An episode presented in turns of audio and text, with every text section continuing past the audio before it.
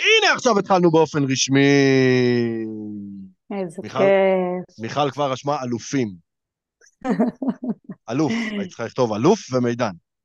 נראה לי התכוונה אלופה ועוד אחד. טוב, מה נשמע?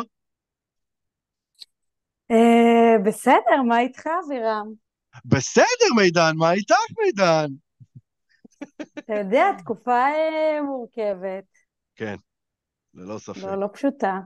כן, האמת, יש לי, יש לי גילוי נאות לכולם. אני ומידן היינו אמורים לעלות לפרק הזה. מתי היה התאריך המקורי? וואי, אה, ממש באותו שבוע של אותה שבת שחורה. אה, נכון. אני לא זוכרת מתי זה נדמה לי היה. או שבאותו שבוע או ששבוע לאחר מכן. ושלחתי לך הודעה, אה, שומעת, אה, רשום לי ביומן שאנחנו צריכים לעשות פרק, אבל לא נראה לי, ואמרת לי כן, לא חשבתי, אבל סבבה, כן. טוב שהודעת לי. אה, אז כן, האמת היא שבאותה נשימה, אני משתדל לעלות לפרק של הכל הקואוצ'ר כל שבועיים, באופן מאוד מאוד שיטתי, ובתוך כל העשייה העסקית שלי ושל סטנדרט, אה, הפרק, הפודקאסט הכי נפגע. אה, באיזשהו מקום, בימים כתיקונם, כאילו אמרתי לעצמי, אולי דווקא כל הקואוצ'ר הוא הדבר שצריך להישמר בשביל להתמודד ובשביל לתת כלים וכולי, אבל משום מה, נפשית הרגשתי שאני בעצמי לא שם. כן, זה מורכב, כן, בתקופה כזאת. תקופה כזאתי, ואני חושב שככל שעובר הזמן, ובמיוחד בימים אלה של הפסקת אש והחזרת חטופים, ברוך השם, וכל המקום הזה, אה, כולם הולכים להבין יותר, לא שלא הבינו את זה לפני, אבל כולם הולכים להבין שזה הולך להיות מערכה מאוד ארוכה, עם אה, משחקי מוחות וכל מיני פסיכולוגיות שמתחילים לדבר עליהן בחדשות, ואין מה לעשות, צריך לאט-לאט להחזיר, אה, להחזיר את עצמנו למגרש. לגמרי. קשוח. אה, אבל באיזשהו מקום אגואיסטי שלך, זה יצא לטובה, כי את מתרגשת מאוד. ממש לטובה, נהדר. מה זה? זה נהדר. כן. תראי, אני אגיד, אני אשרוף אותך עוד קצת. אה, אה, אה, תודה, אבירם, תודה. בבקשה. מידן, אה, אולי הייתי צריך לשאול אותך לפני, אבל לא אכפת לי. מידן מתה שיהיה לה פודקאסט משלה, נכון? נכון. והרעיון הזה לעלות איתי לפודקאסט קסם לה והלחיץ אותה באותו זמן, לגמרי. ו... ועוד בלייב, שזה בכלל חוויה. אז uh, אני רוצה להגיד לך תודה שאת השראה, ושאת uh, זורמת עם השטויות שלי, ושאת עולה איתי לפודקאסט הזה, ואמרתי לך, ואני אומר עכשיו בשידור חי, שלימים שזה יהיה יותר בשל אצלך, אני, אני מאוד רוצה שאפילו תיקחי את הדבר הזה, ותובילי אותו כפרויקט אישי שלך, בתוך סטנדרט, איך עושים פודקאסט, איך מקימים פודקאסט, איך מנהלים פודקאסט, איך בונים את הפרק, כדי שכמה שיותר מאמנים ירצו את זה. זה הפך להיות היום ערוץ, מעבר ל fun שבדבר, הספוטיפיי וכל המקום הזה, פודקאסט בכלל, זה הפך להיות ערוץ שיווקי מאוד משמעותי. אני חושב שהיום, נכון. אני לא יודע, את יוצא לך לשמוע הרבה פודקאסטים? המון. אני מאוד אוהבת? את זה. כן. איפה יוצא לך לשמוע אותם?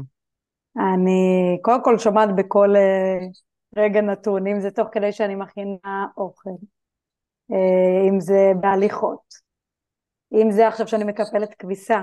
זה ממש כל רגע נתון אני מנצלת כדי אה, להקשיב לפודקאסט. אני מאוד אוהבת את זה. אז אני בתור אה, פודקאסטר, אני מוכרח להודות שאני לא שם. אמ, אבל כשכן יוצא לי לשמוע, אני, אני, אני פשוט... אני, עוב- הקליניקה שלי עשר דקות הליכה מהבית, אני לא אשמע פודקאסט עשר דקות הליכה. כן. אה, אני כמעט לא נוהג בגלל זה. Mm. אני לא מקפל כביסה יותר מדי. אולי פה הבעיה. אבל פה הבעיה, בדיוק. כשאני שוטף כלים, אני נורא משתעמם, אז אני אוהב לשים לי משהו ברקע. Mm. אבל כשכן יוצא לי, זה תמיד, תמיד, תמיד משתלם. יש מלא תוכן. אה, קצת צבוע מרגיש לי מצידי פתאום, שאני עושה פודקאסט ולא מאזין, לגמרי. נכון? אה. אבל לאחר שזה נאמר, פתיח. רגע.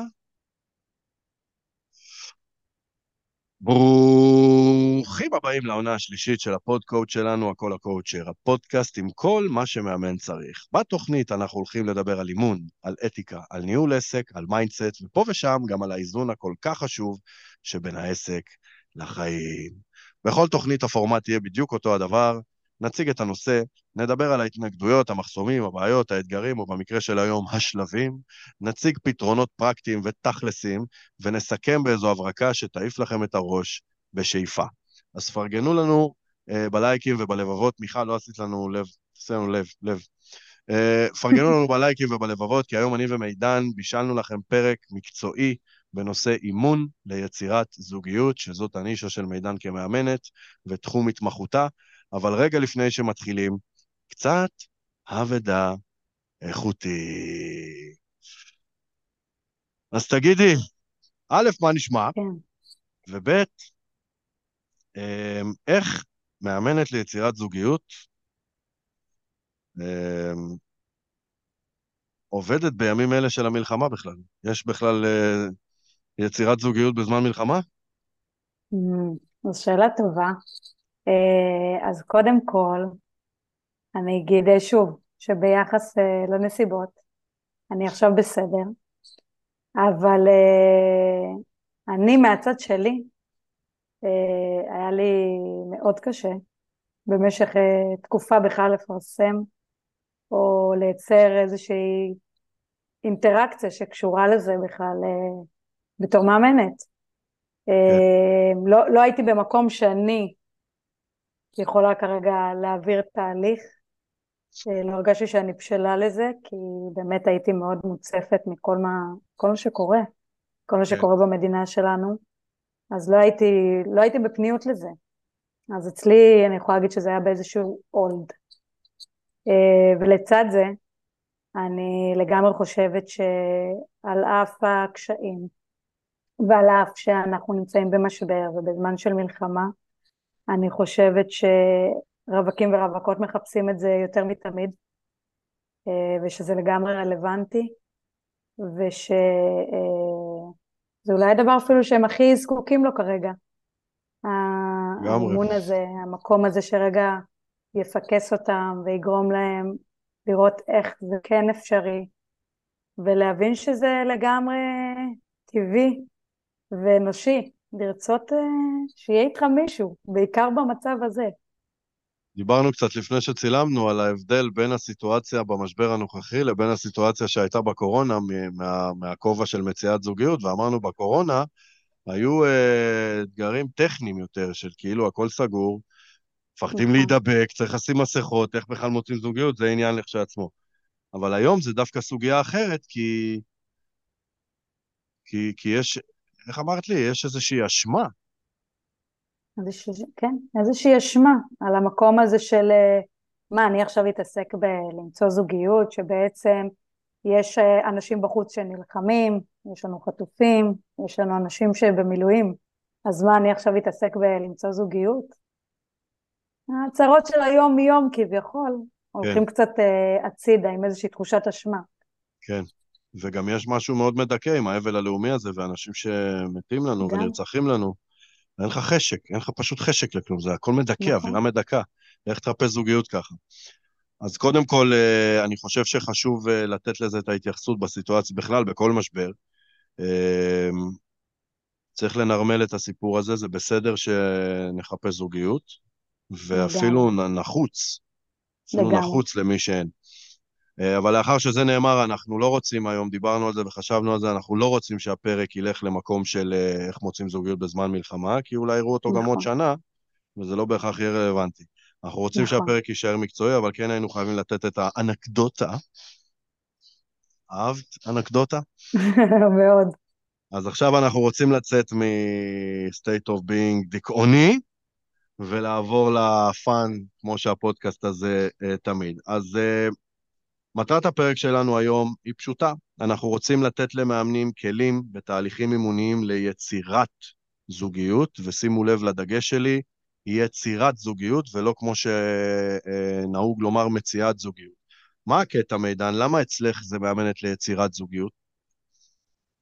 אז אה, מבחינתי, חשוב לי לשים את הדגש על זה שזה יצירת זוגיות ולא מציאת זוגיות, מכמה סיבות. והסיבה הראשונה היא שאם אני עכשיו מתייחסת למציאת זוגיות, אז כל התשומת לב שלי בעצם הולכת לתוצאה, למצוא זוגיות, ואז זה יכול להיות כל אחד. מספיק מישהו שיש לו אה, דופק, מצאתי זוגיות. אה, לעומת יצירת זוגיות, שהיא יותר מתייחסת לאיזשהו תהליך של עכשיו אני יכולה לדייק לעצמי מה אני רוצה, את מי אני רוצה, אה, מה חשוב לי, ואז אני יוצאת ככה לעולם, מתוך הבפנים החוצה ולא מהחוצה פנימה.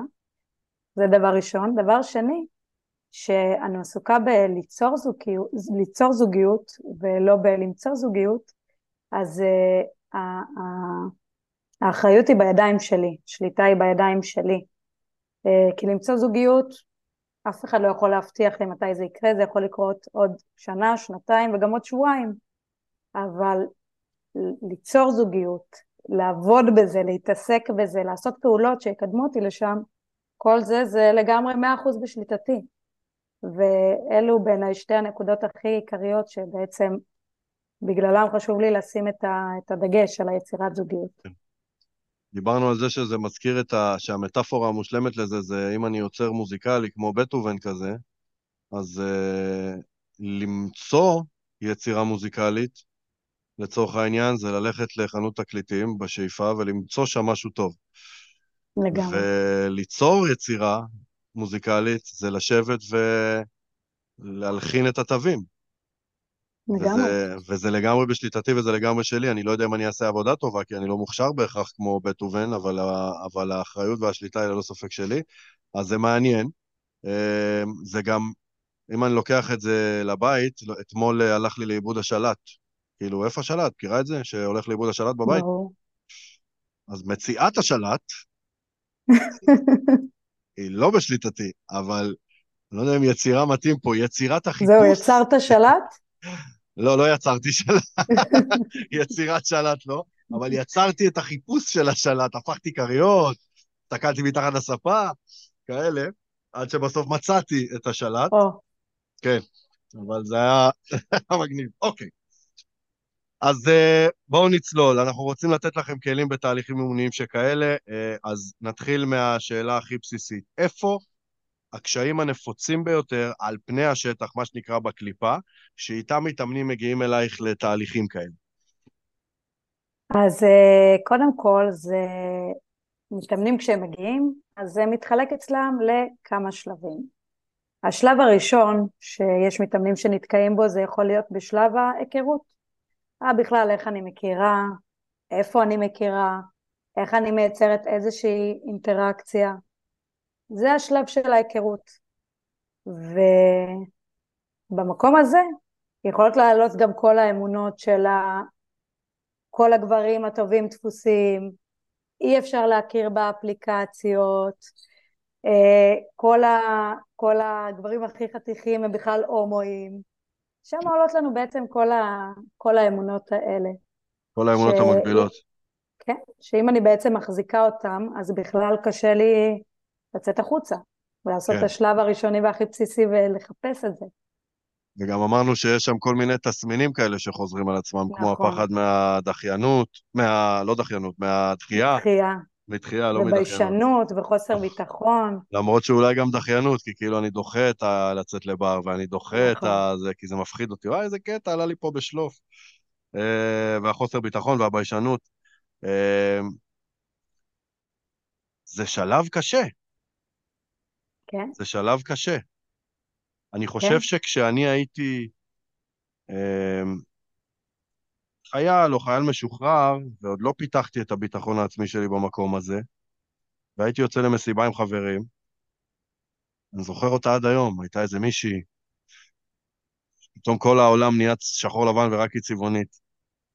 Hmm. ואני פשוט מת להתחיל איתה. מת, ומת מפחד באותו זמן. אז מה עשיתי? מה עשית? הקפצתי את הקהילות. וזה עזר? ברור, זה, אין פחד. אז אתה מעודד אנשים לשתות. בדיוק, למה מאמן? אלכוהול. אבל כן, אני זוכר את זה ממש, עד שהתפתח אצלי המקום הזה, של ה... זה באמת היה אולי הפחד מתחייה אצלי, שכאילו, או הפחד שהיא תחשוב שאני מפגר, או לא יודע, משהו שם, נורא פחדתי לגשת. כן, זה מפחיד. מה אם אני אקבל לא? אגו. מה אם היא בכלל תסתובב ולא תגיב לי? אבל את יודעת, אני חושב שאצל גברים וש... ו... ושונים, גברים ונשים זה קצת שונה, כי אצל גברים נהוג, על פי הנורמה החברתית, שאם נצא לבר, אני אתחיל עם האישה, אני צריך להתחיל עם הבחורה. אז אצל גברים זה אישויים מסוג אחד. אבל אצל נשים, וסליחה אם אני יוצא פה מגדרי, לא נהוג שאישה מתחילה עם גברים בברים, לצורך העניין. אז אני אומר לעצמי, אוקיי, אישה יושבת בבית, מתלבשת יפה, מתבשמת, מסדרת את השיער, עושה את כל מה שהיא עושה, הולכת לבר, ומחכה, מקווה. כאילו, כאילו זה יותר פסיבי. ופה בדיוק נכנס המקום של האם אני יוצרת זוגיות או האם אני מוצאת זוגיות. מה שאמרת עכשיו זה בדיוק זה. מי שהולכת למצוא זוגיות, היא מתעסקת רק באני מתלבשת יפה, באה לבר, יושבת ומחכה ומתפללת שגבר יתחיל איתי, ומי שעסוקה בליצור זוגיות היא גם, אה, תראה איך היא יוזמת. גם יוזמת. תמיד הייתה לי הקבלה בין אה, מציאת זוגיות למציאת לקוחות, שבתור אה, גבר בעולם ה dating וההיכרויות, הייתי היוזם והמתחיל והמייצר אינטראקציות, ובתור בעל עסק אני לא הולך ומתחיל עם לקוחות בברים. זה, כן. זה סאגה אחרת, אז תמיד הרגשתי שבתור בעל עסק, אני כמו האישה, אני מחכה לפניות. לגמרי. וזה קשה לגמרי. לי, זה קשה לי מאוד. אני מעדיף להיות הגבר. אה, קטע, קטע. אוקיי, מה השלב השני? אה, השלב השני זה... אמרנו שהשלב השני זה משהו שאני הבאתי, לא? נכון. נכון? שלב הדייטים. השלב הדייטים, בדיוק, שם אני הייתי נתקע. אה, התחלנו להעלות זיכרונות שבנינו את הפרק. אה, בשלב הדייטים אני הייתי מסתבך, כי למרות שאחר כך סוג של אימון קטן עשית לי וגיליתי שבכלל לא הייתי תקוע שם, אלא בשלב השלישי. אבל בשלב הדייטים יש את כל הנושא הזה של אוקיי, יוצאים לדייט אחד, דייט שני, דייט שלישי, ואז מתחיל כל האכילת ראשים והחשיבת יתר והמשחקים, שכבר אין לי כוח בשבילם, כי אני נשוי, אני כבר לא בסצנה הזאת, תודה לאל, אבל זה כאילו כל התסמינים של החוסר ודאות, אני אשלח הודעה, אני לא רוצה לצאת נואש, אני לא אשלח הודעה, אבל אולי היא גם חושבת את זה בדיוק כמוני. אמ, כמובן הפחד להיפגע, אני לא רוצה לצאת needy מדי, אני מפחד להראות לרגשות. אמ, כל הסרטים. בקיצור, לגמרי. כל הסרטים. והייתי בטוח שאני בשלב הזה, כי תמיד אחרי שלושה, ארבעה, חמישה דייטים, היה נמאס לי והייתי רוצה קשר אחר. אבל לא בטוח שהייתי בשלב הזה בכלל. בדיעבד. לא, כנראה שלא. הייתי בשלב השלישי. מה עוד מיוחד בשלב השני הזה? אני חושבת שמה שמיוחד בשלב השני הזה, זה בדיוק המקום הזה, שזה התפר. התפר בין. ההתחלה של ההיכרות, אנחנו עכשיו כבר יוצאים לכמה דייטים. ואז זה באמת מתחיל להיות כבר יותר מפחיד. כי אנחנו יוצאים לעוד דייט, ועוד דייט, ועוד דייט, זה כבר לא ה... כבר עברתי את האיך אני מכיר, אני עדיין לא ממש בקשר, אז זה כבר עוד לא גם בטוח. כן. ואז אני כל פעם משחק בבין לבין הזה, האם הוא רוצה אותי, האם הוא לא רוצה אותי. האם לשלוח הודעה, האם לא לשלוח הודעה. ואני חושבת שזה מה שקשה, החוסר ודאות הזה. אני עוד לא מאוד בטוח ובטוחה שרוצים אותי, שמעוניינים כן. בי, ואז יש המון המון פחד. והמון אימפולסיביות או פסיביות במקום הזה. בדיוק. כאילו אמרנו, אם, אם שלוש, ארבע, חמש, שש פעמים חותכים ממני או דוחים אותי, כנראה שיש משהו לעבוד עליו, כנראה, לא יכול להיות שזה חוזר על עצמו כל הזמן, ולחילופין, אם אני זה שאחרי שלוש, ארבע, חמש, שש, שבע פעמים, עם שש, שבע, שמונה נשים שונות, אחרי שלוש, ארבע דייטים, כל פעם עוצר את זה, כנראה שמשהו אצלי לא פתור. לגמרי. וזה כאילו, אני לא מסוגל להתקדם מעבר לדייט שלישי-רביעי, אני מתחיל לפזול החוצה עוד פעם. בגלל זה נכון. חשבתי שאני בשלב הזה, אבל אחר כך גיליתי שלא. אה. וואי, זה שלב tricky, זה שלב tricky, המשחקים האלה מייאשים. מאוד. ויצא לי כבר, אני זוכר, לצאת עם מישהי שאמרה לי בדייט הראשון, שמע, לפני שמזמינים, אה, אני רוצה לשים את הדברים על השולחן. אמרתי לה, אוקיי. היא אומרת לי, אין לי כוח למשחקים. אין לי כוח. אני מחפשת בחור רציני. אם אתה כזה, אפשר להזמין. אם לא, אז לא. על ההתחלה שמה לי את זה על השולחן. וואו, איזה אומץ. איזה, איזה אומץ, היא הלחיצה אותי. אמרתי לה, בואי, את רוצה ללכת מפה, את רוצה אחרי הדייט נביא את הבת, וזהו, נסגור את הפינה. אמרתי לה, אני לא יודע מה זה משחקים, מה זה לא משחקים, כאילו, ואמרתי לה, אני זורם, מה שטוב, טוב, לא רוצה, לא נזמין, הכל טוב, אבל אני לא יכול... אה, הרגשתי לחץ, הרגשתי לחץ, אוקיי? אבל בדיעבד היינו פשוט בשני שלבים שונים של בשלות. לגמרי, ובדיוק זה, זה בדיוק המקום הזה של ה... אני כבר מאוד בטוחה מה אני רוצה, ואני לא מתביישת להגיד את זה. כן, ממש. בסוף יצאנו לשניים שלושה דייטים וזה נגמר. איך אני תמיד אומר, 100% מהאנשים שיצאתי איתם, 100% אה, מהקשרים שהיו לי לפני אשתי, נכשלו. כן, זה מין קטע כזה. כן, גם אצלך נראה לי. אה, אוקיי, מה השלב השלישי הנפוץ? אז השלב השלישי הוא בעצם השלב של איך אני מצליח להחזיק קשר ארוך. או, ואז גיליתי שאני בעצם לה... הייתי שם. כן. שבשלב הזה בעצם עולות כל הספקות והשאלות הקיומיות והתסמינים של זה זה בעצם יש הרבה פומו, אולי יש מישהו או מישהי שיותר טובים לי, שיותר מתאימים לי, כן. יש איזשהו פחד לבזבז זמן, אה, פחד להיפתח, אה, ועולות שם באמת האמונות מגבילות של אה, אולי אם יהיה ספק אז אין ספק, אולי אם יש לי איזה שהם סימני שאלה זה בעצם לא, או אם הייתי יודע או יודעת שהוא יהיה עם האחד או האחת, אז זה היה נותן לי איזושהי תחושת רווחה, אבל כן. אנחנו יודעים שבסופו של דבר אין איזשהו גרנטי. כן, אני חושב שהעניין הזה... הלבזבז זמן הזה, ככל שהמתאמן הוא יותר מבוגר, זה עוד יותר משמעותי. אני לא חושב שיש... לגמרי. אין את זה לחבר'ה בני 24, יש את זה לחבר'ה בני 34. לגמרי. ואז זה שם סיר לחץ על כל דייט. ממש. זה ממש ממש קשה. אני חושבת שזה גם מקשה עליי לבוא רגועה. כי אם אני עכשיו באה עם איזשהו אה, שעון שאומר, טוב, יש לי חודש כדי לדעת האם הוא מתאים לי או לא, אז כן. קשה לי גם באמת להתמסר לזה בסוף, או לראות האם זה באמת מתאים לי בכלל. אז זה בדיוק העניין, אני כאילו אומר לעצמי, בשלב השני של הדייטים הראשונים, אני עם המון חוסר ודאות והמון משחקים, ואני לא יודע איך הוא מרגיש ובלה בלה בלה, ובתוך החוסר ודאות הזאת אני רוצה ודאות, אבל זה מלכתחילה מה שמייצר לי את כל הספקות. ואז אני אומר, אולי אני אמצא מישהי יותר טובה, אולי אני אמצא מישהי יותר טובה, אולי אני אמצא מישהי יותר טובה, ואני מתחיל לפזול החוצה ואני לא בתוך הקשר, ואז זה מין לופ כזה שמשאיר אותי תקוע במקום הזה. זה מזכיר לי שפעם מתאמן פנה אליי בנושא תהליך למציאת זוגיות, ובסוף הפגישת היכרות הוא שאל אותי אם אני מתחייב שהוא ימצא זוגיות. Mm-hmm. אז אמרתי לו, רק תסביר לי מה זה, כאילו, רק תסביר לי למה אתה מתכוון מציאת זוגיות, ואני אגיד לך אם אני מתחייב או לא. הוא אומר לי, מה זאת אומרת, מציאת זוגיות? אני אומר לו, אוקיי, אז הכרת מישהי, יצאתם לשלושה דייטים, מצאת זוגיות או לא מצאת זוגיות? אם כן, אז אני, אני יכול להתחייב, אין לי בעיה. אבל כאילו, כן. אני מאמין שבתהליך שלם נגיע לשלושה דייטים, אני אופטימי. אם אתה אומר לי שמציאת זוגיות זה חתונה ושני ילדים, אני לא בטוח שאני מתחייב, אוקיי? כן. אבל כאילו, זה, זה מושג מאוד אמורפי, מה זה אומר למצוא זוגיות? נכון. אם, אם יצאתי עם מישהי לשלושה דייטים ונפרדנו, אז איבדתי זוגיות? אז הייתה לי זוגיות בכלל? ש...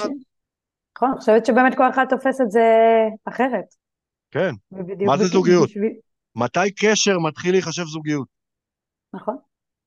קטע. זה, זה בדיוק זה, ובדיוק בשביל זה צריך לדייק את ה... את, את, בדיוק את השאלות ששאלת את המתאמן שלך. מה זה אומר מבחינתך למצוא זוגיות? אני חושב שעבורי זה מהרגע שאני אומר, שאנחנו אה, מחליטים שאנחנו אקסקלוסיביים. אבל זה נאמר, זה בשיח, או שזה פשוט קורה? אז זה חייב להיאמר, מה, אני אקסקלוסיבי לבד? אני פראייר. אני חושב שמהרגע שאנחנו כאילו, נראה לי שלכל זוג יש את התחנה הזאת שאומרים, רגע, אז אנחנו זוג?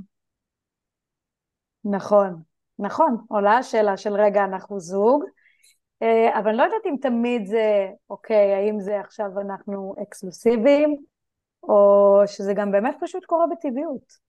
ומרגישים, מרגישים שאנחנו לא רוצים יכול. להיות אחד עם השני. אין מצב, זה משהו שחייב להיות מדובר, אין מצב. אתה חושב? לא יכול להיות. תראי, אני אספר לך אה, משהו שאני לא יודע אם אשתי תרצה שאני אספר, אבל לא אכפת לי, היא לא שומע, היא לא מקשיבה, היא, לא, היא לא בפורום. היא, לא, היא לא מאזינה לפודקאסט, שגם ככה היא לא יכולה לשמוע אותי. אה, אשתי ואני, היה לנו את השיח הזה על האקסקלוסיביות, ואני זוכר אותו היטב, והחלטנו, וסבבה, מרגע מסוים. אה, זהו, התחלנו להיות ביחד, הכל טוב ויפה, ואז יום אחד פשוט היא, קמה, היא ישנה אצלי והיא קמה בבוקר ואמרה לי, תגיד, למה אין לי מקום בארון? ואז הסתכלתי עליה ואמרתי לה, תגידי, את גרה פה?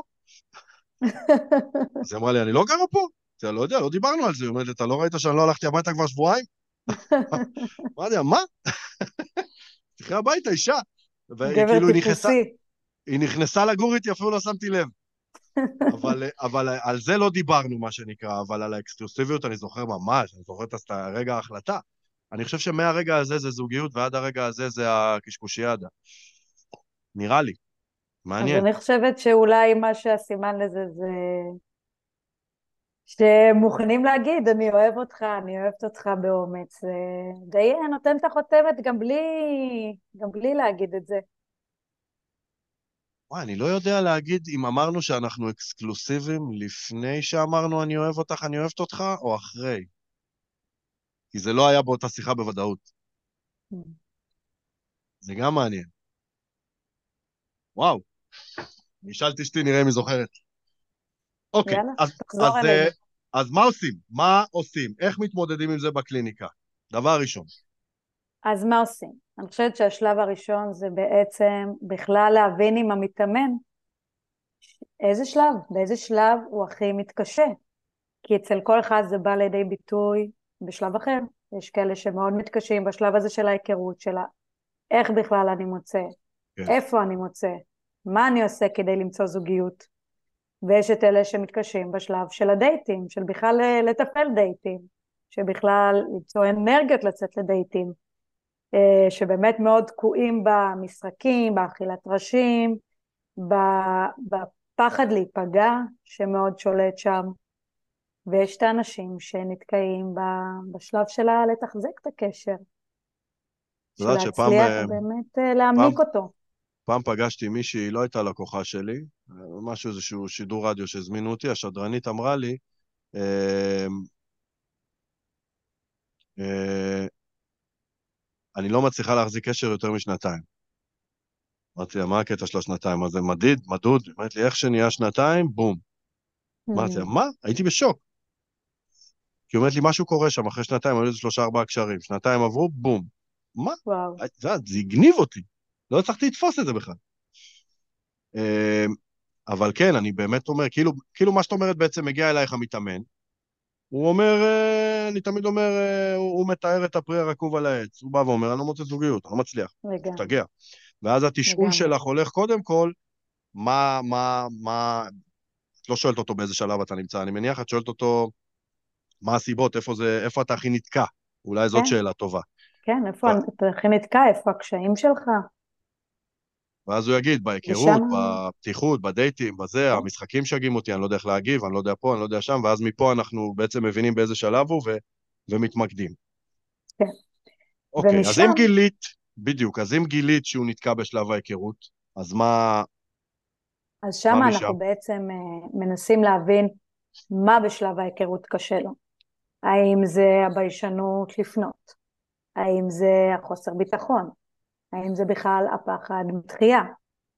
כשאנחנו מבינים באיזה מהמקומות זה יושב, אז אנחנו יכולים להתחיל להתאמן על זה בצעדים קטנים. אם לצורך העניין הוא אומר לי, אה, הוא או היא אומרים לי, קשה לי, אני מתבייש בכלל לגשת. כי גם בביישנות יכול להיות כל מיני דברים. יכול להיות אני מתבייש לשלוח הודעה, אני מתבייש לגשת, אני מתבייש להגיד לאנשים סביבי שאני מחפש זוגיות. יש כל מיני מקומות שזה יכול לבוא לידי ביטוי. אז אה, כן. קודם כל להבין איפה בדיוק הביישנות הזאת באה לידי ביטוי, ושם להתחיל להתאמן בצעדים קטנים. אז אם אני מתבייש עכשיו בכלל אה, אה, לפנות למישהו או מישהי באפליקציה, אז להתחיל משם. רגע בלפתוח את האפליקציה, רגע בלבחור כמה זמן ביום אני מקדיש לה, ואז להחליט שאני שולח הודעה בהתחלה לבן אדם אחד, ולאט לאט אני יותר יוזמת ויותר עושה את זה. זאת אומרת, זה נורא מעניין, את כאילו גוזרת את המטרה האימונית, את לא עושה שיח על מטרה אימונית, את גוזרת את המטרה האימונית מתוך ההבנה על איזה תסמין או דפוס התנהגות מעכב זה יושב. בדיוק. זאת אומרת, הוא אומר ביישנות, אז נציב מטרה אימונית שתאתגר את הביישנות. בדיוק. הוא אומר פחד מתחייה, נציב מטרה אימונית ש, ש, שתוקפת את הפחד מתחייה. הוא אומר uh, חוסר ביטחון, כנ"ל. ייצור. אינטראקציה, כנ"ל. גם, והכל כמובן בשיח מולו של מה הצעד הכי קטן שאתה יכול לקחת על עצמך השבוע, שמצד אחד הוא יאתגר אותך, מצד שני הוא לא יגרום לך להימנע מלעשות את זה. אז זה ואז זה כמובן מחזיר- בשיח גם מולו, ברור, ואז זה מחזיר אותנו ליצירה ולא למציאה, כי זה אנחנו שוב מחזירים את השליטה עליו וכולי. לגמרי. אז אני יכול להגיד לך שהיה לי מתאמן בשלב ההיכרות שהיה לו נורא נורא נורא נורא נורא קשה. והצבנו מטרה אימונית שהוא יצא לבר פעם, פעם בסוף שבוע, לא זוכר, יישב שם, וכשהוא יראה מישהי שמוצאת חן בעיניו, הוא ייגש ויגיד לה, היי, נעים מאוד, רוצה לשתות משהו? ממש דיברנו אפילו על הטקסט, מרוב שהוא היה בלחץ מזה. והוא חזר אחרי שבוע ולא הצליח, שאלתי אותו למה, הוא אמר לי, לא יודע, כל הזמן דחיתי את זה, נמנעתי מזה, ברחתי מזה. וראיתי שזה גדול עליו ממש, וירדנו אפילו עוד צעד אחורה של קום ביום חמישי בערב בבית, שים בגדים יפים, וצא. ושב, וואו. ותהנה מהערב. זה אפילו לא היה כאילו, רק- רק שב, צא, תהנה מהערב, כדי שלא יהיה לך לחץ. כי נכון. פתאום גם הבנו שמי אמר שתיכנס בחורה לבר שמוצאת חן בעיניו, זה לא בשליטתו. כן. אמרנו, נכון. אם אתה קם, יוצ... מתלבש, יוצא מהבית, יושב על הבר, השגת את המטרה האימונית. כן, זה בדיוק זה, הצעדים הקטנים האלה, ובדיוק כמו שדיברנו גם מקודם, זה גם אצלו נוצרה דחיינות, מתוך הפחד לעשות את זה, נכון, אז הוא נכון, דחה את זה, והוא לא עשה את זה, נכון, וכן, זה התופעת לוואי של זה. נכון. והצעדים רגע, הקטנים גורמים לנו יותר כן, כן, אני להשתפר איתך, סגרתי את בדחיינות. הוואטסאפ פשוט. הצ... בדיוק, זה בדיוק העניין, ואז זה כאילו, אני אפילו לא הייתי קורא לזה דחיינות, זה אפילו היה הימנעות. נכון, כי אני תמיד אומר. ההבדל, אני אומר לאנשים שההבדל בין דחיינות להימנעות, זה שלדחיין יש דדליין ולנמנע אין. כאילו, מעניין. תמיד לדחיין יש דדליין? שאלה יפה. זה אולי דדליין פנימי, כאילו, בואי נגיד ככה, אם אני צריך להגיש עבודה לאוניברסיטה, אז מן הסתם יש לי, ואני אדחה לדקה נכון. ה-90. אבל נכון. אם אני צריך לעשות, אה, להוציא פוסט, אז אין לי בתכלס. בדיוק. אבל אני, אבל אני יודע בבטן שאני לא יכול לדחות את זה שבוע, שבועיים, שלוש, יש לי עסק. אז כאילו אבל זה רק בבטן. אני- אין לי איזה משהו חיצוני שאני מחויבת אליו, אז אני יכולה... אז אולי, אז אולי זה העניין. ולדחות. אם, אם אין לי דדליין, אז אני בהימנעות ולא בדחיינות. לא יודע. אז- היי, מעניין. וגם, שוב, אני חושבת שככל שזה יותר גדול, ככה הסיכוי שאני אדחה את זה הוא יותר גדול. לעומת שאם יש לי עכשיו צעד אחד קטן, קטן, קטן, קטן, בדיוק כמו אני נכון. עכשיו אצא ואתלבש, כן. וישב שם בבר, ולא רגע ישר ייגש לבחורה, יש הרבה יותר כן. סיכוי שאני אצליח לעשות את זה בפעם הבאה. כן, גם בריחה נכנסת לי לעולם הזה, כאילו, מה ההבדל פתאום בין בריחה להימנעות לדחיינות? צופים, מאזיננו, בתגובות, מה ההבדל בין בריחה, הימנעות ודחיינות? זה אותו דבר, Mm. זה כאילו אותו דבר. אוקיי, אז אה, אמרנו השלב השני זה שלב הדייטים, המשחקים, החשיבת יתר, החוסר ודאות, מה, מה, איך מתמודדים עם זה? אז uh, בשלב הדייטים זה בעצם, אנחנו בתור מאמנים יכולים לעבוד עם המתאמן או המתאמנת הרבה על, על מודל אפרת, על לתת פרשנויות, כי באמת אם עכשיו אני, המחשבה הראשונה שלי של הוא לא שלח לי הודעה והשעה כבר uh, שתיים בצהריים ואתמול יצאנו לדייט, אז במקום להגיד הוא לא בעניין, אז לנסות לחשוב, אולי הוא רגע עסוק, אולי קרה משהו, אה, נכון, זה שלב הסיפורים. כן, להצליח לתת עוד פרשנויות ל- למה שקורה. הוא לא רוצה אותי, הוא כן רוצה לא אותי, הוא לא. רוצה? הוא לא רוצה, הוא כן רוצה, הוא לא רוצה, הוא כן רוצה. אוי, שלחתי הודעה, הוא מחובר, הוא לא עונה לי. מדבר עם מישהי אחרת, הוא מדבר עם מישהי אחרת.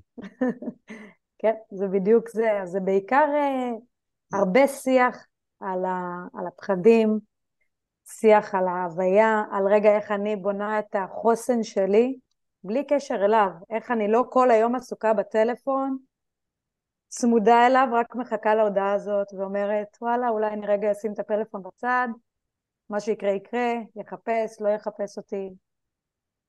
איך אני משחררת מזה? זה קטע, כי דיברנו על זה שגם יש פה את הפחד להיפגע מאוד חזק. נכון. ואז יש לי מין מנגנון הגנה כזה, שברגע שהסיפור שלי, הפרשנות שלי, היא שאם, אה, לא יודע, אני רואה שהוא מחובר והוא לא, אני רואה שהיא, היא מחוברת, סחבק straight, אני רואה שהיא מחוברת ולא עונה לי, אז היא לא רוצה, ואז היא מסוכנת לי, ואין מצב, לגמרי. ואז אני חותך. לגמרי. אני חותך, אני בעניין, אבל אני חותך כי היא לא בעניין, לא אתן לה לחתוך אותי. לגמרי. אני אחתוך אותה. או שאני אחתוך, או שאני יכולה להיות גם אימפולסיבית, ולכתוב איזה הודעה, אז מה, אתה לא בעניין, או מה, אה, או כמו שאתה עשית, אבירם, שבחרת לרדוף אחרי הבחורה עד שהיא ענתה לך, ואז היא אמרה לך, שחרר. היה לי כרטיסים, היה לי כרטיסים, עכשיו מי שורף את מי עכשיו? היה לי כרטיסים, הייתי צריך לדעת אם לקנות או לא, היא לא ענתה, שלחתי לה 7,000 הודעות, מה היא לא עונה לי? אז מה אם היא מארחת במסעדה ויש לה לקוחות? זו סיבה? בדיוק זה. כן. אז כן, אז זה יכול להיות או להפוך לאיזושהי הימנעות, או לאיזושהי דווקא אימפולסיביות, שכן, שלרוב היא מובילה אותנו לא, כן, לא למה שאנחנו רוצים. אני יכול ללחוץ, אני יכול פתאום לשלוח לה הודעה, תקשיבי, אני רואה שאת מחוברת, כבר שעה, שעתיים, יש וי כחול, אני לא מבין למה את לא עונה, מה הקטע? אין לי כוח לבחורות לא רציניות, אם את רוצה לשחק משחקים זה לא איתי. ואז לשים לחץ על הקשר, שהוא רק התחיל. לגמרי. ואז האפרת נכנס כל כך קלאסי, זה, זה מכניס לפרופורציות, אה, לשנות את הזווית, את ההסתכלות, והכל בשאלת שאלות. וואי, האפרת פה הוא מדהים. לגמרי. גם okay. אוקיי. אנשים מריחים את זה, מריחים כשאתה, כשאת או אתה נואשים או לחוצים, הם מריחים, מרגישים את זה ממרחקים. לגמרי, לגמרי, זה מכניס לחץ לקשר, וזה זה מוריד לצד השני. נכון. מוריד לצד השני, אפרופו אם יש מישהו שכל הזמן חותכים איתו, יכול להיות שזאת אחת הסיבות, והוא צריך לעשות עבודה על עצמי, זה, זה לא מושך. נכון. זה לא מושך. אוקיי. נכון. אמרנו שהשלב השלישי היה השלב הלהחזיק קשר ארוך, ושם כל הספקות והשאלות הקיומיות עולות, אולי... נכון. אולי, מי אמר שהיא תהיה אשתי? אולי אני מבזבז את הזמן, אולי יש משהו יותר טוב בחוץ, הפומו וכל נכון. זה. זה נראה לי השלב הכי מאתגר. נכון. אז קודם כל, בשלב הזה... באימון אני מתכוון, לא לחיים. גם בחיים. אה, אני חושבת שגם בחיים. כן. אה, אה, אז שוב, כמו שאני שיתפתי אותך... כן, גם, אני שיתפתי אותך גם שכשאני הייתי רווקה, שם היה הקושי שלי, בלייצר את הקשר הארוך, ב... להתקדם מהדייטים הראשונים, בחודשים הראשונים. את אמרת בלהחזיק. להחזיק קשר ארוך. מה אמרתי עכשיו? זה, אמרת לייצר. אה, אה, להחזיק. שזה גם, זה ברמת, כאילו, בחירת המילים, להחזיק, כאילו זה, כאילו זה תפוח אדמה לוהט. נכון. כאילו, זה, זה מילה מעניינת. גם להחזיק וגם לייצר בעיניי, זה גם וגם. אז מה עושים שם דברים. באימון? איך את מת... אז מה שעושים באימון זה בעצם קודם כל עבודה על, ה... על הספקות האלה. קודם כל לדבר את הפחדים האלה. אה, להבין מה, מה יושב שם, מה באמת באמת מפחיד אותי.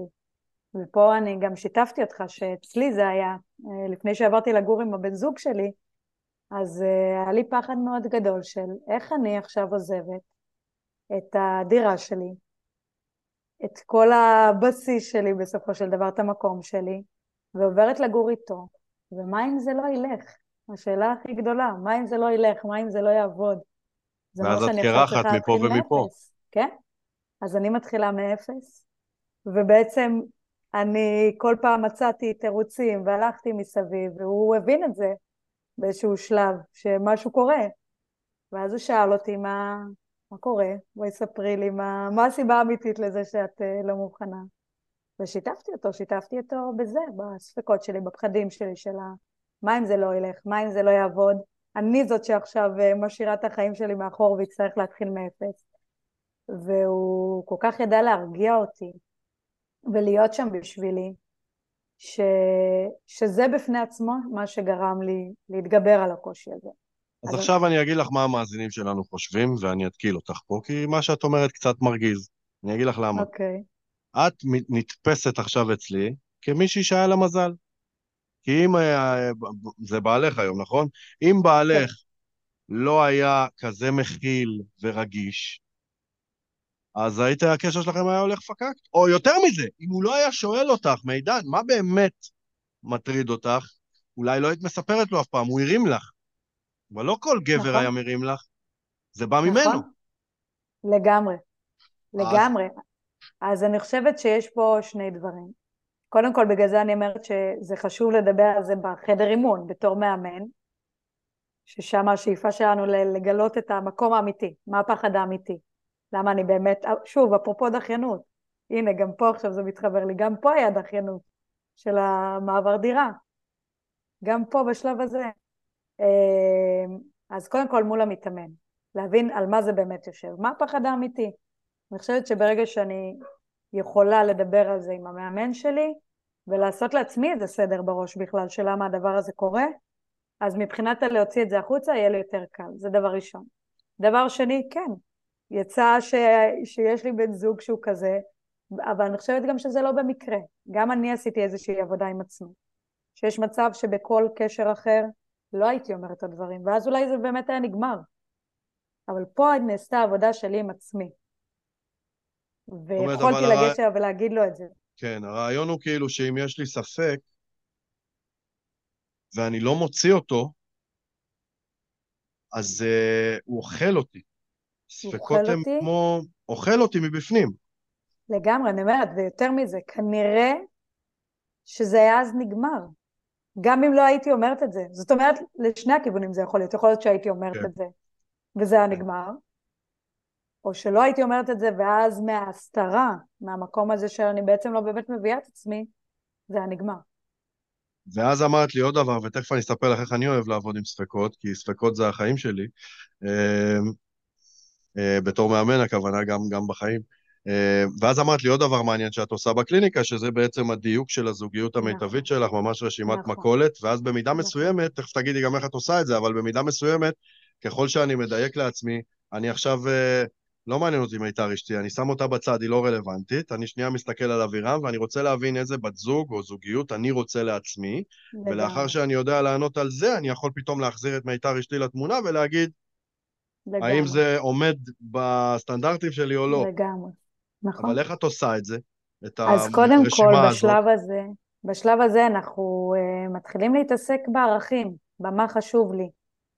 מה אני הייתי רוצה שיהיה בזוגיות שלי. מה חשוב לי, אם זה תקשורת, אם זה הקשבה, אם זה פתיחות, או מה חשוב לי בגבר שהייתי. חשוב לי שהוא יהיה אה, אה, נדיב, חשוב לי שהוא יהיה מצחיק. מה הדברים שהכי הכי חשובים לי? ואני חושבת שהדבר שהרבה פעמים לא שמים עליו את הדגש והוא לא פחות חשוב, זה איך אני הייתי רוצה להרגיש בתוך הזוגיות הזאת. מי אני הייתי רוצה להיות שם? הייתי רוצה להיות כלילה, הייתי רוצה להיות מצחיקה, הייתי רוצה להרגיש פתוחה, מי אני שם? ואז באמת ברגע שיש לי את זה בראש, את הסוג של מצפן אני קוראת לזה, אז הרבה יותר קל לי. הרבה יותר קל לי, ואני חושבת שכשבאתי לבן זוג שלי ואמרתי לו את הדברים, אז המצפן שלי בראש ידע ש, שזה יהיה בסדר. שזה יהיה בסדר כי, כי הוא עונה על הסוג של רשימת מכולת שיצרתי לי. כן, ואז זה, זה קצת, זה גם מעלים ספקות. לגמרי. אני זוכר שאני עברתי, שיתפתי אותך שעברתי תהליך בעצמי, בדיעבד אני יכול להבין שהוא תהליך למציאת זוגיות, לא הגדרתי אותו ככה אז. אה, זה היה תהליך, ל... קראתי לו להבין למה אחרי ארבעה-חמישה דייטים נמאס לי ואני רוצה חדש. כאילו, אבל תכל'ס זה היה תהליך למציאת זוגיות לכל דבר. לגמרי. והייתי בזוגיות בשלב הזה. Mm. והחברה האחרונה לפני אשתי זאת הייתה, והרגשתי שאין לי שם חשמל, שאין לי שם אש, ושאני כאילו נורא מעריך אותה ונורא, מה שנקרא, מישהי להביא להורים כזאת, עונה על איזה שהם קריטריונים יבשים.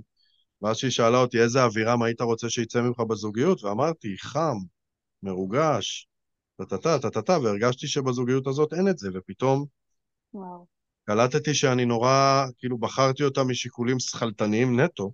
לצורך העניין, את מבקשת ממתאמנת שתביא לך את הרשימה שלה, והיא אומרת לך, אני רוצה גבר מטר שמונים ושבע, מצליח, עם עבודה טובה, עם כסף, עם אוטו יפה, עם שאיפות,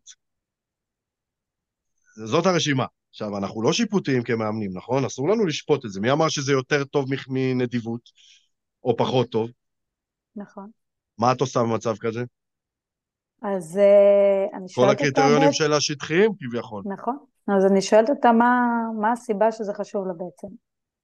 מה, נגיד הייתה לי, עכשיו זו דווקא דוגמה טובה, הייתה לי מתאמנת שהיא אמרה לי שהיא רוצה מישהו אינטלקטואלי. ואז אמרתי לה, קודם כל שאלתי אותה מה, מה זה אומר. ואז היא אמרה לי שהוא יהיה איש שיחה. זאת אומרת, ככל ששואלים שאלות זה רגע נכנס יותר לעומק. למה כן. זה חשוב לך? חשוב לי שיהיה בינינו תקשורת פתוחה, שאני אוכל לדבר איתו. אז זה מה שאני עושה, אני לוקחת את הדבר הכביכול אה, רדוד הזה, הרשימת מכולת הרגילה. כן, אבל אינטלקטואלי, להבין... לא, לא תופס את זה כרדוד כמו מישהו מטר שמונים ושבע. כן, אבל זה רגע, אז רגע, אז למה, למה חשוב לך? למה חשוב לך שיהיה לך מישהו מטר שמונים ושבע? ואז זה יכול, הרי... כי פדיחות, בעיקרון... אני אענה לך, אני תאמני אותי, כי פדיחות לצאת עם מישהו בגובה שלי. אוקיי, למה? כי מה? מה זה אומר אם את יוצאת עם מישהו בגובה שלך? מביך אותי, מתביישת. ממה? ממה את לא, מתביישת? לא יודעת, הוא מרגיש לי שהוא לא גבר, גבר צריך להיות אה, עם חזות של גבר. אני אוהבת קופים. אני אוהבת... קודם כל, אם זה משהו ש... אני, אני נותנת להם, תעשו לרשימה של חמישה דברים. חמישה כן. דברים שהכי הכי חשובים לך. אם היא תגיד לי שהגובה הזה זה באמת הדבר שהוא הכי הכי הכי חשוב לה, אוקיי, אוקיי. אם זה הכי חשוב לך יותר משהוא אה, יהיה טוב אלייך, מאשר שהוא יהיה נדיב, מאשר שהוא יהיה קשוב, אכפתי, זה שלה. זה שוב, בדיוק המקום ה... אז איפה עובר הגבול? אם זה אחד, אני מבין, אוקיי? אבל אם היא באה נכון. ואומרת, אני רוצה שהוא יהיה גבוה, שרירי, מזוקן, אה, ממוצא מרוקאי, וגר ב, בתל אביב, סתם. כאילו נכון. כביכול הכל חיצוני. נכון. אז, אז שוב, אז השאלה, קודם כל, למה הדברים החיצוניים האלה חשובים? קודם כל, מבחינה אבולוציונית, יש לנו את הנטייה לרצות את הגברים הגבוהים, החסונים, השריריים, כי זה נותן לנו איזשהו סימן לזה שאולי הוא יגן עליי. זה ממש ברמה כזאת. כן. מצד אחד. מצד שני, יש גם נשים שאין להם בעיה לצאת עם אה, בחור בגובה שלהם, או יותר נמוך מהם. השאלה שוב, היא, אם במצב כזה שאת עושה את הרשימה של חמישה דברים, וכל חמשת הדברים שהיא מביאה לך הם חיצוניים נקרא לזה, האם את מציפה את זה, או משקפת את זה? אני שואל את עצמי, כאילו, איפה עובר הגבול בין שיפוטיות שלי כמאמן ל... ל... ל... להצפה של דברים שהיא לגיטימית. למשל, אם אני אגיד לה, תקשיבי, את שמה לב שחמשת הסעיפים שלך הם חיצוניים? מה את חושבת על הרשימה הזאת? יכול להיות שחסר פה משהו רגשי? האם אני שיפוטי עם אג'נדה, וזה דיון מעניין מאוד ברמה האתית, או שאני פשוט משקף או משתף משהו שראיתי ברשימה הזאת, שיכול להיות שהוא מקור הבעיה. אז אפשר, שוב, או, או להיכנס, לנסות להבין מאיפה זה נובע, מאיפה בא המקום הזה שאני רוצה עכשיו מישהו גבוה, אני רוצה מישהו שרירי. למה? מה, מה יש שם? זה אחד. שתיים, עוד אפשרות באמת, זה קצת לקחת את מה שאמרת. להגיד, אוקיי, כרגע אמרת לי חמישה דברים שקשורים לחיצוניות. בוא, בואי רגע נשים את זה בצד ונחשוב מה חשוב לך מבחינה פנימית, מבחינה של תכונות, מבחינה של אופי, של איך היית רוצה שבן זוג שלך יתנהג איתך, אלייך. אז זה גם אופציה. רגע להגיד, אוקיי, יש את הדבר החיצוני, המעטפת, כן. בוא ניקח רגע עכשיו את הפנימה. זה גם אופציה. זאת אומרת, התפקיד שלנו כמאמנים הוא פשוט להכריח את המתאמנים לשקלל את סך השיקולי, את סך הזוויות ההסתכלות. לגמרי. ואם אנחנו מזהים זווית הסתכלות דומיננטית שהיא חיצונית, שטחית או וואטאבר, איך נקרא לה, אוקיי, ראיתי, אני רוצה לאתגר אותך, בואי תבחרי לי את הגבר שלך משיקולים ערכיים, פנימיים, תחושתיים, רגשיים. לגמרי. מעניין. ואז עושים... הרבה פעמים נתקעים שם, במקום כן. הזה, כי, כי, כי רובנו לא עצרנו רגע לחשוב. אז בדיוק בשלב הזה, זה הדבר כן. הכי חשוב, לעצור ולחשוב מה אני רוצה. אז אני אגיד לך איך אני אוהב לעבוד עם אנשים עם ספקות. קודם כל זה, זה ענק, הקטע הזה של הרשימה. אה, אני חושב שזה פוקח עיניים. הנושא הזה של החום שאני עברתי כמתאמן, שכאילו רציתי ממש שהוא יצא ממני, כי כאילו כשאני ממש דלוק על מישהי או רוצה מישהי, אז יוצא ממני אבירם חם, רומנטיקן, וכשאני לא, אז, אני, אז הוא לא יוצא ואז לא טוב לי, אוקיי? וזה כאילו בשבילי בעצם, כי כיף לי לפנק. לגמרי. לקנות לאשתי בייגל מהמאפייה כי היא אוהבת, אני, אני אוהב, כי אני אוהב אותה, ואז היא אומרת לי, אל תקנה לי יותר, זה משמין. ואז אחרי חודש היא אומרת לי, למה אתה לא קונה לי יותר? ואז אני משתגע, וכיף לי, היא מאתגרת אותי. אבל כאילו, אמ, אני אוהב לעבוד כמאמן ככה עם ספקות. בא אליי מתאמן, אומר לי לצורך העניין, אה, איך אמרנו, איזה ספקות יש? מי אמר שהיא האחת? אולי היא לא האחת? אולי יש מישהי יותר טובה. כן. ויש פה ספק. נכון. ואז אני מחזיר לו את אותו ספק בחזרה. מי אמר שהיא לא האחת? מי אמר שיש בחוץ מישהי יותר טובה? מי אמר שאתה כן מבזבז את הזמן? אני מחזיר לו ספק בספק. לגמרי. עכשיו, מה הקטע? לצורך העניין, אמ, אפילו בעלי עסקים, מאמנים, בתחילת הדרך, מי אמר שאני אצליח להתפרנס מהדבר הזה? זאת השאלה הכי מפחידה שיכולה להיות, שכתוצאה מכך, לא הולכים על זה, נכון? נכון. אני אומר, מי אמר שלא תצליח להתפרנס מהדבר הזה, ואולי כתוצאה מכך כן תלך על זה, כאילו, למה יש ספק אחד שהוא יותר חזק? ואז הספקות מובילים בעצם לפחדים. כי אם את טועה והבחור שלך הוא לא האחד, ואת לא הולכת איתו בסוף, אז את אישה, ואת כן הולכת איתו בסוף, סליחה, אז את עלולה להישאר קרחת מפה ומפה. אבל אם נכון. את לא הולכת איתו, לא קרה כלום, יש לך את הדירה שלך, יש לך את המקום הבטוח שלך, המחיר לא גדול. מקסימום איבדת גבר. ואז הפחד לגמרי. הגדול ממש ממש יוצא מתוך הספק. אבל אני אוהב להחזיר ספק בספק, כאילו, אני שואל שאלה כדי להמחיש שלספק יש, ספק הוא מטבע עם שני צדדים, נכון. וחשוב תמיד לזכור את זה. טוב, סופר מעניין. השלבים האלה ממש עושים סדר. אה, ולסיום, אה, הברקה, כמו שאני תמיד אוהב לסיים. אני חושב ש... וזה מתחבר לשלב ה... שלב אפס, השלב הראשון שדיברת עליו בפתרונות, אני חושב שברגע שאנחנו כמאמנים מזהים באיזה שלב המתאמן שלי נמצא, הוא בא אליי, הוא אומר לי, אני לא מוצא זוגיות, הוא אומר לו, אוקיי, באיזה שלב אתה לא מוצא זוגיות? בהיכרויות, בדייטים, איפה אתה נופל? והוא אומר לי, תשמע, אני שלושה ארבעה דייטים נופל. או כן. אני, לא יודע, שנתיים מחזיק ונגמר. או אני לא, אני לא מצליח לייצר אינטראקציה עם בחורות. ברגע שאני מזהה באיזה שלב המתאמן שלי נמצא בשלב מציאת הזוגיות, אני חושב ש-80% מהעבודה שלי עשיתי כמאמן. לגמרי, זה הדבר הכי חשוב. לגמרי, ואני רוצה להוסיף פה גם את המקום של ה... ברגע שגם אני מזהה או מזהה איפה השלב, וגם שאנחנו מצליחים לזהות מה הקושי באמת. לא מה הקושי שהמספר, שהמתאמן כביכול כן. מספר לנו, אלא מה הקושי האמיתי. לגמרי, וזה מחזיר אותי לתפוח הרקוב הזה, שזאת מטאפורה שאני מאוד אוהב להשתמש בה באימון. הלקוח מגיע עם תפוח רקוב.